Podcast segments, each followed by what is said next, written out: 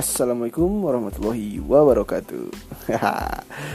Selamat datang dan selamat mendengarkan podcast sebelum tidur lagi. Padahal udah berminggu-minggu vakum maaf ya. Buat yang masih menunggu terima kasih sudah menunggu. Buat yang baru mendengarkan selamat bergabung. Welcome to the club. Wait Pada kesempatan kali ini saya akan membicarakan tentang tahun baru jadi ada dua subtopik ya. Yang pertama tuh membahas tentang tahun 2019 yang akan segera berakhir tentunya dan selanjutnya adalah resolusi atau harapan atau hal yang ingin kita capai di tahun 2020 dan ada sedikit hal yang seharusnya dilakukan di awal tahun yang mungkin bisa membuat kita lebih baik lagi di tahun depan. Oke, kita masuk langsung aja ke inti pembicaraan ini. Jadi tahun 2019 ini gimana nih? Lebih baik dari 2018? Sama aja? Atau bahkan mungkin lebih buruk? Udahlah nggak apa-apa deng, gak usah dipikirin yang udah sih udah lewat mau udah aja lah. Nggak apa-apa. Mungkin kalau kalian ngerasa 2019 lebih baik alhamdulillah bersyukur. Kalau 2019 sama aja sama tahun 2018 ya udahlah yang nggak apa-apa juga gitu. Atau mungkin 2019 malah lebih buruk di 2018 nggak apa-apa. Ya orang udah gimana yang penting nanti 2020 lebih baik lagi. Udahlah nggak usah dipikirin gitu dah. Penting kita usaha di 2020 di 2020 lebih baik lagi di 2000 dari 2019 dan bisa konsisten lah kebaikannya. Nggak turun naik ya walaupun hidup ada di atas ada di bawah. Tapi semoga kita di atasnya lama di bawahnya bentar. Semoga aja gitu. Jadi teman-teman ada pencapaian apa nih di 2019 ini buat yang kerja mungkin naik gaji. Waduh mantep nih. Atau dapat penghargaan best employee gitu. Atau mungkin yang resign dapat tempat kerja yang lebih nyaman. Gaji gede juga kalau nggak nyaman buat apa kan? Jadi ya mungkin lebih nyaman atau lebih cocok atau ngerasa lebih apa yang sekarang lagi tren kan lebih apa passion lebih wah ini passion gue nih gitu. Waduh semoga aja ya gitu. Biar kalian nggak bosan ngejalaninnya. Atau ada yang lain gitu? Apa sih? Naik gaji best employee kerja nyaman uh, apa lagi ya yang kerja ya? Ya gitulah. Uh, yang khususnya marketing mungkin. Achieve terus targetnya. Banyak bonus. Uh marketing tuh gitu ya. Ini ini nggak tahu sih nggak tahu. Saya belum pernah belum belum pernah sih. Ada satu pekerjaan yang saya pernah lakukan mirip-mirip marketing tapi nggak pure marketing itu marketing tuh sistemnya gimana sih kalau misalnya? Kita gaji pokok tetap dapat kan cuma kalau misalnya achieve target itu dapat bonus gitu kan? Atau kalau nggak achieve malah gaji pokok kita dikurangi? Uh mengerikan ya. Tapi semoga aja enggak gitu. Saya nggak tahu soalnya. Cuma ya semoga makin baik di 2020 nanti gitu ya. Kita bahas masih 2019 nih. Buru-buru aja ke 2020 tuh. Jadi buat teman-teman yang tercapai keinginannya di 2019 atau merasa 2019 lebih baik selamat ya buat yang kerja semuanya gitu. Selamat selamat selamat. Tuh. Selamat. Yang penting tuh jaga kesehatan sama kesenangan gitu. Jangan lupa senang-senang. Asli senang-senang tuh kita perlu. Ya senang-senang mah beda gitu. Situ nggak pernah menyalahkan orang yang ngerokok. Itu atau orang yang minum-minum dalam artian di sini beralkohol ya mungkin dengan cara itu mereka bisa bersenang-senang gitu. Yang penting nggak merugikan nggak sama orang lain gitu. Ini di luar konteks mohon maaf bukan saya menyepelekan agama gitu ya tapi maksudnya kan ya orang senang-senang gitu. Yang penting gak rese sama orang lain lah. Terus nggak berlebihan juga begitu aja. Buat yang mungkin mabuk itu haram minum-minum itu haram atau atau apa ya? Ya yang melarang-melarang seperti itu. Mungkin nggak pernah. Nggak pernah atau gimana ya? Maksudnya nggak nggak ini. Aduh ngomongnya gimana? Takut kena masalah eh. Nah, mungkin buat teman-teman yang kayak gitu nggak pernah dapat masalah terus setelah ngerokok atau mabuk minum-minum masalahnya lupa minimal ya gak sih buat teman-teman yang ngerokok mungkin banyak ya. Yang minum-minum juga mungkin ada. Ya gak sih kalau habis minum atau gitu perasaan tuh kayak wih ya lupa lah minimal gitu ya itu bukan hal yang baik sih sebenarnya. Harus saya akui gitu. Tapi maksudnya kalau kalian nggak ngasih solusi buat kita yang lagi banyak masalah banyak pikiran yang bikin kita stres dan kita melakukan suatu hal yang membuat kita seneng ya walaupun dengan cara minum kenapa kalian kayak gak boleh itu dilarang gitu. Ya dilarang dilarang kalian gak ngasih solusi mau gimana gitu. Kayak ada di di di, di apa tetangga desa atau tetangga RW tetangga RW RW 05 itu di RW 04 ada pelang tulisan gede pisan. Uh, apa? Aduh gimana tulisannya? Saya inget-inget lupa nih. Uh, oh gini. Debt eh debt collector. Uh, uang riba gitulah. Rentenir uh, peminjam uang yang berbunga. Uh, kalau di saya disebutnya bank kolecer gitu bank keliling gitu yang kita minjem berapa ratus ribu gitu terus dibayar per hari uh, sehari berapa tapi nanti pas dikalkulasi ada lebihnya 100 atau 200 ribu gitulah. Apa sih? Bank kosipa atau apa disebutnya gitulah. Nah ada tulisan gede banget di tetangga RW saya di RW 04 itu gitu. Rentenir mm, dan semua yang berhubungan dengan uang riba hutang piutang berbunga dilarang masuk ke RW 04 gitu. Ada tulisan gitu gede pisan katanya itu dari orang-orang yang mendadak suka sholawatan.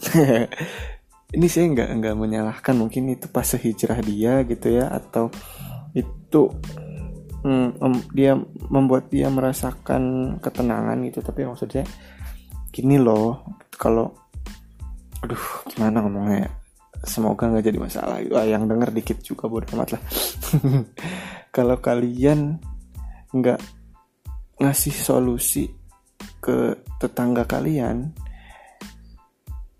ya solusi yang sekarang dipakai tetangga kalian jangan kalian larang gitu. Ya maksudnya kayak di RW 04 tadi gitu uh, rentenir dilarang masuk. Um, hutang piutang yang mau berbunga dilarang masuk. Jangan sampai ada uang riba gitu. Nah kalau di RW 04 itu ada yang butuh uang buru-buru ada yang butuh uang buat biaya pengobatan mungkin atau untuk biaya sekolah anaknya. Sedangkan tetangga-tetangganya nggak ada yang mau bantu. Kenapa saat orang itu minta atau berhutang ke rentenir yang menjadi tanggung jawabnya dia sendiri dilarang gitu. Kalau kalian nggak bisa ngasih solusi minimal solusi yang sedang dipakai orang tersebut jangan kalian larang lah. Gitu maksud saya itu. Bukan bukan saya mendukung ayo berhutang uh, atau ayo apa namanya pinjam ke rentenir atau jadi rentenir atau apa pun itu enggak saya bukan promosi hal tersebut gitu. cuma oh kredit juga nggak boleh kredit tuh. Cuma maksudnya kalau itu membantu mereka bertumbuh ya kemungkinan kecil sih tapi ada kemungkinan kan. Kayak misalnya gini kredit dilarang gitu ya kredit dilarang nih. Kredit motor nggak boleh dong kredit mobil atau kredit barang-barang kalau di kampung-kampung kan masih ada kredit kayak alat-alat kebersihan eh, alat-alat kamar mandi itu eh, kredit alat masak gitu ya. Nah kredit nggak boleh nih. Terus ada orang yang butuh panci misal emang panci nggak seberapa harganya? Tapi kan maksudnya nggak semua orang memprioritaskan untuk beli panci langsung kan. Misal ada orang pancinya bolong gitu. Atau nggak bisa dipakai lagi lah. Kalau bolong masih bisa ditambal gitu ada orang yang pancinya bolong.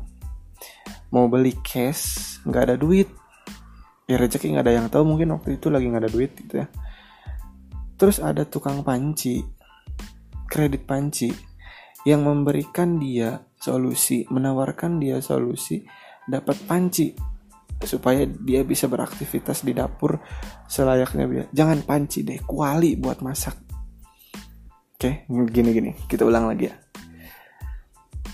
ada satu ibu itu yang pancinya rusak nggak bisa dipakai lagi. Mau beli cash nggak ada duit. Lagi nggak ada rezeki lah mungkin waktu itu rezekinya lagi diprioritasin ke mana. Pokoknya bener-bener nggak mampu buat beli cash kuali. Terus ada tukang kredit kuali datang menawarkan kuali. Dia tentu dengan dikredit dan di RW tersebut nggak boleh kredit Sedangkan kalau dia nggak kredit kuali, dia nggak bisa masak buat melayani suaminya yang pulang kerja atau anaknya yang pulang sekolah atau apa pun itulah. Pokoknya dia nggak bisa masak. Nah, gimana kalau gitu? Teman-teman pernah pernah pernah mikir kayak gitu gak sih?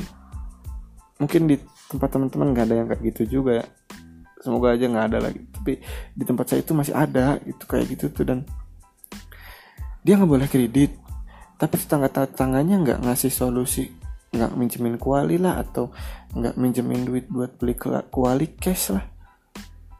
Dan ada orang yang membantu dalam tanda kutip yang membantu si ibu itu buat beli kuali yaitu tukang kredit kuali itu dilarang itu haram. Nggak boleh. Ya kalian gak ngasih solusi tapi ngelarang solusi yang ada buat ibu tersebut. Nah gitu. Jadi jangan gimana ya jangan terlalu ekstrim lah. Yang terlalu ekstrim. Tuh di kalau misalnya ada orang yang utang atau orang yang mabok ngerokok atau apa pun itulah jangan terlalu dilarang atau dicap apa cap kafir atau apa di label ya apa itu nggak usah lah. Kita nggak pernah tahu apa yang ada di belakang dia gitu. Apa masalah yang dia hadapi apa masalah yang udah dia lewati dan berhasil gitu. Apa rintangan yang udah dia lalui gitu. Kita nggak tahu seberjuang apa dia se-struggle apa dia dalam hidupnya untuk sampai di fase tersebut dan saat dia ngerokok mabok kredit atau apa pun itu yang di mata kalian atau di mata teman-teman buruk jangan langsung dicap langsung kafir atau langsung dicap buruk. Tuh tugas kita cuma mengingatkan bukan memaksakan kehendak. Oke? Okay? anjing bijak juga saya. Eh itu. Tadi buat yang kerja gitu ya yang buat yang kuliah gitu yang masih dalam masa-masa pendidikan. Mungkin nanti di 2020 atau di 2019 ini udah pada uas belum sih yang kuliah? Kayaknya pas ini rilis udah deh. Tapi semoga aja pas kalian denger ini nilainya bagus IPK naik. Waduh orang tua bangga itu. Selamat tuh selamat selamat tapi ingat belajar juga jangan berlebihan. Jangan lupa hiburan juga. Hidup kan butuh hiburan juga ya. Ya emang sih pendidikan penting itu tapi kan hiburan juga harus. Ya minimal denger live music akustik lah. Atau mungkin apa gitu lah. Hiburan orang kan beda-beda gitu. intinya jangan lupa untuk menghibur diri lah. Buat teman-teman yang sedang di akhir masa kuliah semoga dilancarkan segalanya dimudahkan juga semuanya. Semoga bertemu dengan orang yang tepat. Gak baik juga gak apa-apa. Seriusan teman-teman kalian emang ada yang baik? Enggak kan? Kayaknya enggak deh.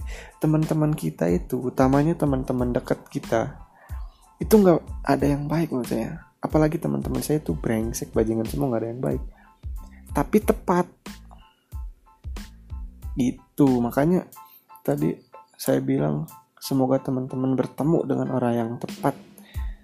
Itu ya gitu nggak baik juga nggak apa-apa yang penting tepat tuh.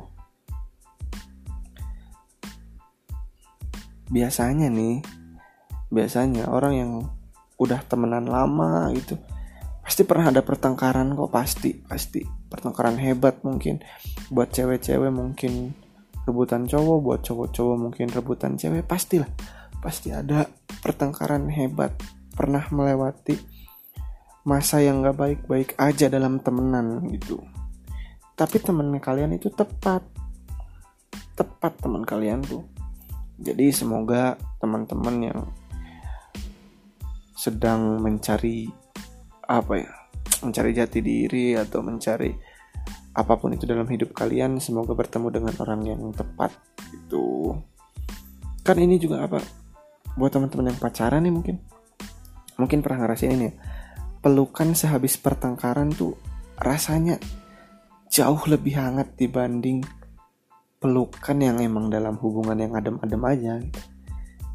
Kayak misalnya kita habis main ngedate pulangnya pelukan gitu kayak eh, ya udah adem gitu. Enak biasa gitu. Tapi kalau misalnya teman-teman yang punya pacar terus habis bertengkar habis pertengkaran hebat apa pun masalahnya terus ketemu titik temu buat baikan kalian habis bertengkar baikan terus pelukan tuh aduh rasanya rasanya adem pisan gitu. Asli dah. Bener kan? Pelukan sehabis pertengkaran tuh rasanya jauh lebih anget gitu jauh lebih enak gitu. makanya saya sering cari sih masalah biar bertengkar sama pacar gitu. Oke. Enggak enggak ding ya maksudnya gitulah.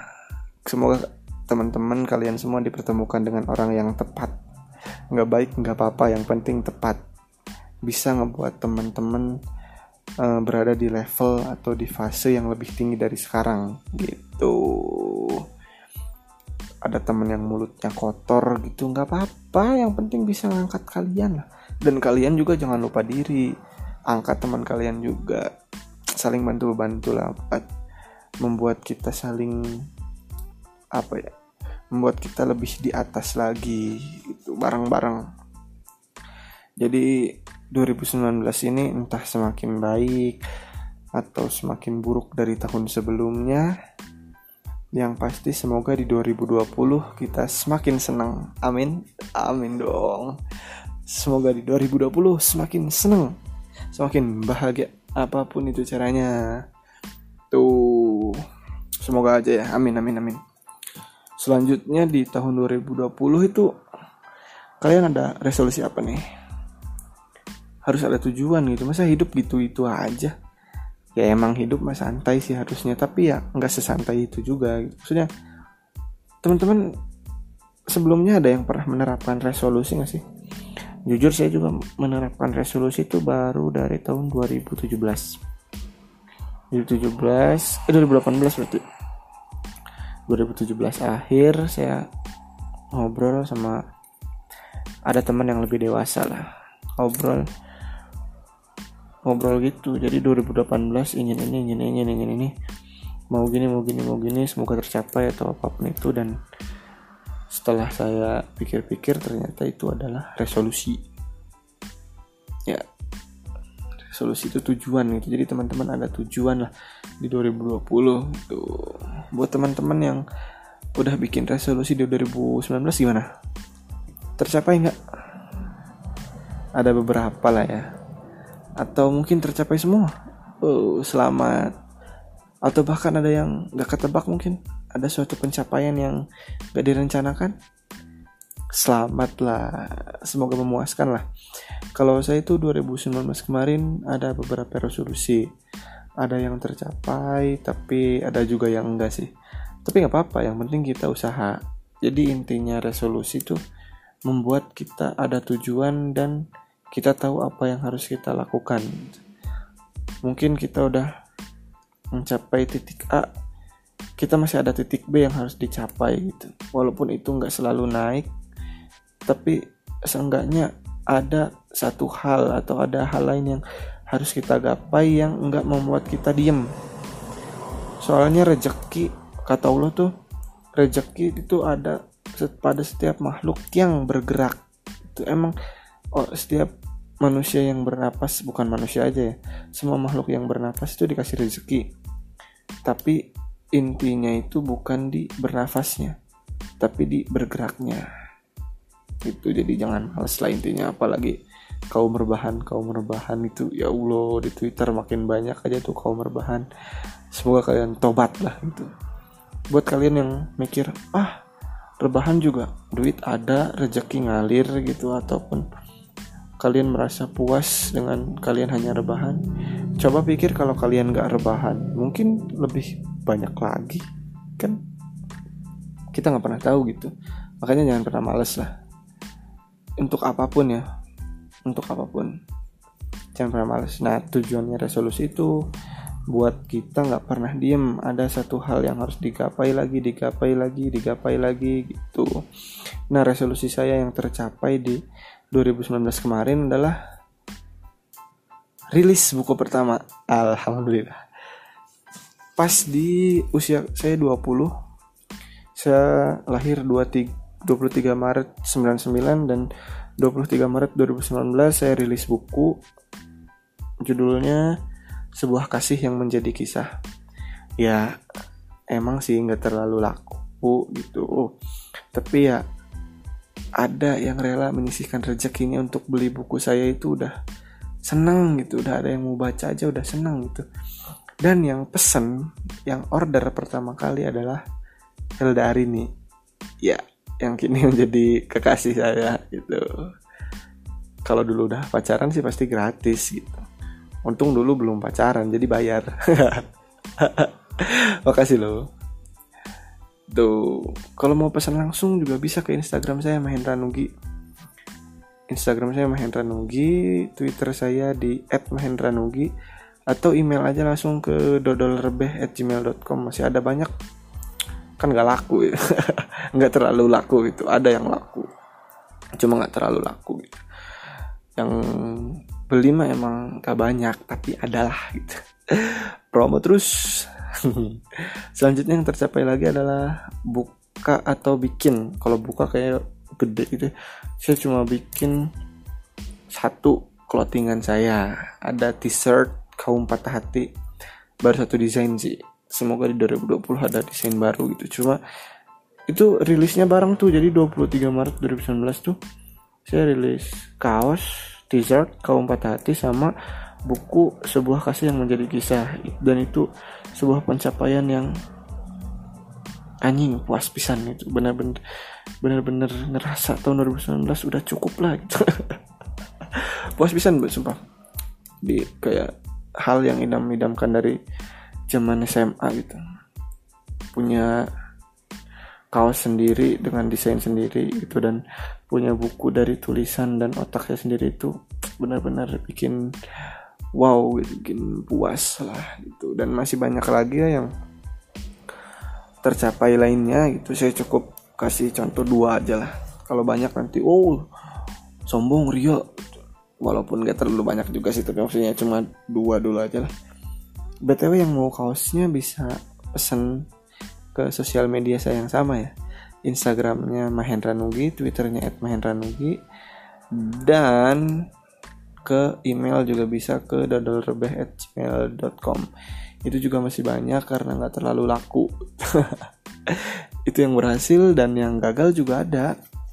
Contoh challenge nulis untuk konsisten gagal. Konsisten untuk olahraga juga gagal. Cuma dua bulan kali. Eh cuma dua bulan. Iya paling cuma dua bulan kali ya. Ada dua bulan saya konsisten olahraga gitu ada lagi yang gagal yaitu bikin satu puisi di tiap satu tempat wisata yang saya dikunjungi yang saya kunjungi. Kuningan. Saya kan Cirebonnya perbatasan Kuningan. Dan untuk main ke Cirebon ke tempat wisatanya jauh gitu. Saya lebih dekat ke Kuningan dan lebih adem juga. Jadi inginnya saya bikin satu puisi atau satu tulisan lah di tiap satu tempat yang saya kunjungi di Kuningan. Itu juga gagal. Upload karya disiplin juga gagal. Banyak lah yang gagal. Yang berhasil juga nggak sedikit sih. Tapi intinya kalian banyak mau aja. Biar kalian banyak usaha juga. Gitu. Oke. Sekarang giliran teman-teman nih.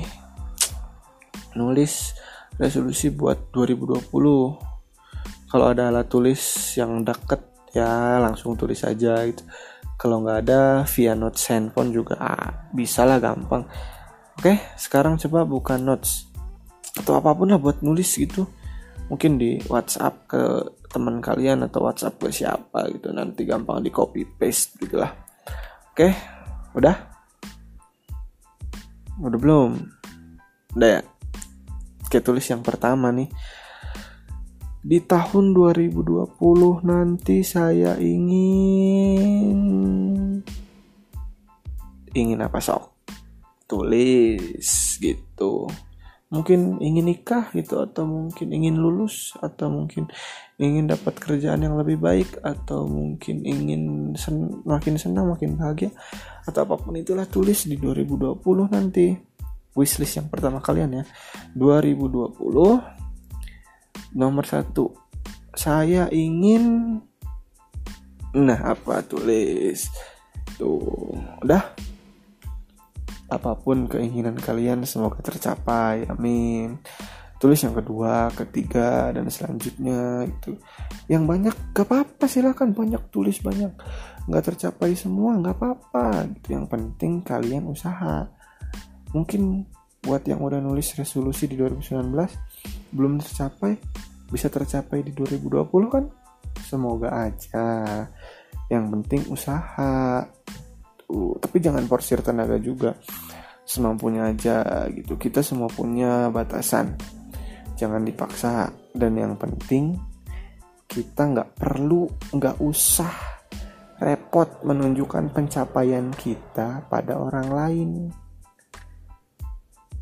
Nah, biasanya gini nih, buat teman-teman yang mungkin dapat kerjaan, upload pencapaiannya ke sosial media, nggak salah sih, nggak apa-apa, cuma ngapain gitu. Ya nggak nggak, maksudnya itu nggak bukan sebuah kesalahan sih gitu, tapi bukan sebuah kebenaran juga deh kayaknya. Menurut Nugi gitu lah. Tuh, jadi nggak usah repot menunjukkan pencapaian kita pada orang lain kita berusaha untuk diri sendiri aja. Jadi maksudnya melakukan hal yang bisa membuat kita lebih baik di 2020 tuh apa pun lah. Apa pun. Tuh. Jadi maksud saya yang hal yang bisa membuat kita lebih baik di 2020 adalah ya dengan membuat ini. Wishlist atau daftar harapan atau resolusi untuk 2020 nanti Semoga tercapai, semoga selalu ada tenaga, waktu, materi, dan segala hal untuk kita sampai, untuk kita berhasil mencapai resolusi di tahun depan. Amin. Kalian nulis banyak juga nggak apa-apa deh tercapai syukur enggak ya usaha terus gitu. Cuma ya jangan diporsir ingat. Jangan jangan lupa senang-senang juga. Makanya pesan saya itu sehat-sehat dan senang-senang selalu ya teman-teman semua. Eda. Jangan lupa untuk peduli pada diri sendiri. Juga teman-teman semoga semakin sayang pada diri sendiri. Kalian pantas dicintai gitu dan langkah pertamanya adalah dicintai oleh diri kalian sendiri I love me. Waduh. Atau apa? I love myself gitu. Saya pernah melihat tulisan di twitternya Edward Pranks alias Baskara Putra. Vokalis Fish atau Hindia. Solo karirnya kan dia Hindia gitu.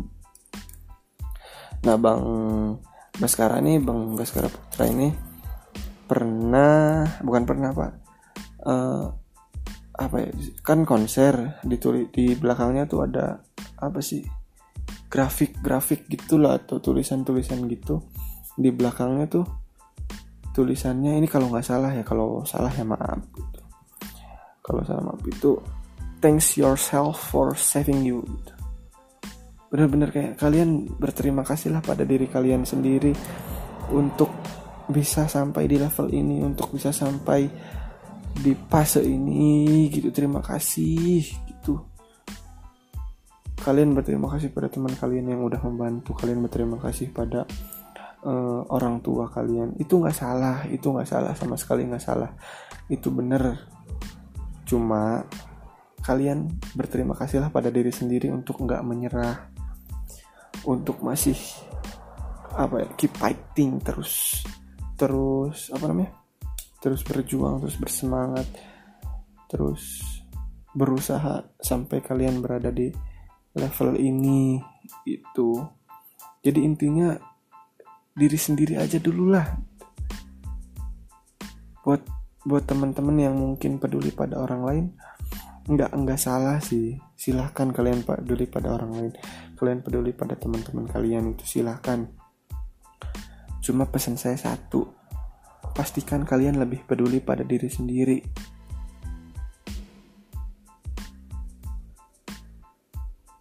Nah, gimana? Udah lebih di, udah apa? Lebih, lebih peduli pada diri sendiri? Atau masih kayak kayaknya saya enggak deh ya apa pun itulah. Semoga kalian lebih peduli pada diri sendiri lagi. Semoga di 2020 nanti kita semakin baik lagi. Jadi perbaiki diri teman-teman ya. Tuh buat yang ngerasa males nulis resolusi lagi karena takut kecewa nggak tercapai itu mungkin salah dari diri teman-teman yang enggak memperbaiki diri atau apa ya nggak berusaha semaksimal mungkin sampai sampai teman-teman itu nggak nyampe atau nggak mencapai apa yang teman-teman ingin di 2019 kemarin. Itu jadi di 2020 nanti teman-teman perbaiki diri semakin baik lagi. Ini bukan buat teman-teman aja sih sebenarnya buat saya juga gitu ya nggak naif saya juga aduh masih jauh dari kata baik cuma saya cuma ingin menularkan atau berbagi energi positif positif vibes wow positif vibes untuk kita semakin bersemangat memperbaiki diri kita sendiri supaya kita sampai di level yang pantas untuk mencapai apa yang kita inginkan di 2020 nanti. Oke. Selamat bertemu di 2020. Ini podcast terakhir 2019 yang vakum sebulan lebih, yang vakum berminggu-minggu. Terima kasih sudah mendengarkan sampai akhir. Semoga teman-teman selalu diberi kesehatan dan kebahagiaan yang melimpah. Rezeki bukan cuma materi. Ingat rezeki cuma bu uh, bukan cuma materi itu. Jangan lupa senang-senang, jangan lupa jaga kesehatan. Udah musim hujan, tuh jadi jangan lupa bawa jas hujan dan payung ke mana-mana. Yang kecil juga nggak apa-apa itu nggak penting sih cuma ya buat jaga kesehatan minimal nggak pilek atau meriang ya. Oke daripada nanti ini semakin lama lagi udah lebih dari setengah jam. Yang target saya cuma setengah jam. Semoga di 2020 nanti kita semakin baik lagi semakin semangat memperbaiki diri semakin sehat semakin bahagia tercapai semua keinginannya yang ingin merit semoga didekatkan jodohnya dan jangan lupa tetap memperbaiki diri tuh buat yang ngerasa masih useless di 2019 semoga 2020 teman-teman semakin berguna lagi entah itu buat yang lain atau buat keluarga yang pasti diri kalian bikin senang dulu ya Terima kasih sudah mendengarkan sampai akhir. Terima kasih banyak. Sampai berjumpa lagi di tahun depan di podcast sebelum tidur selanjutnya. Assalamualaikum warahmatullahi wabarakatuh.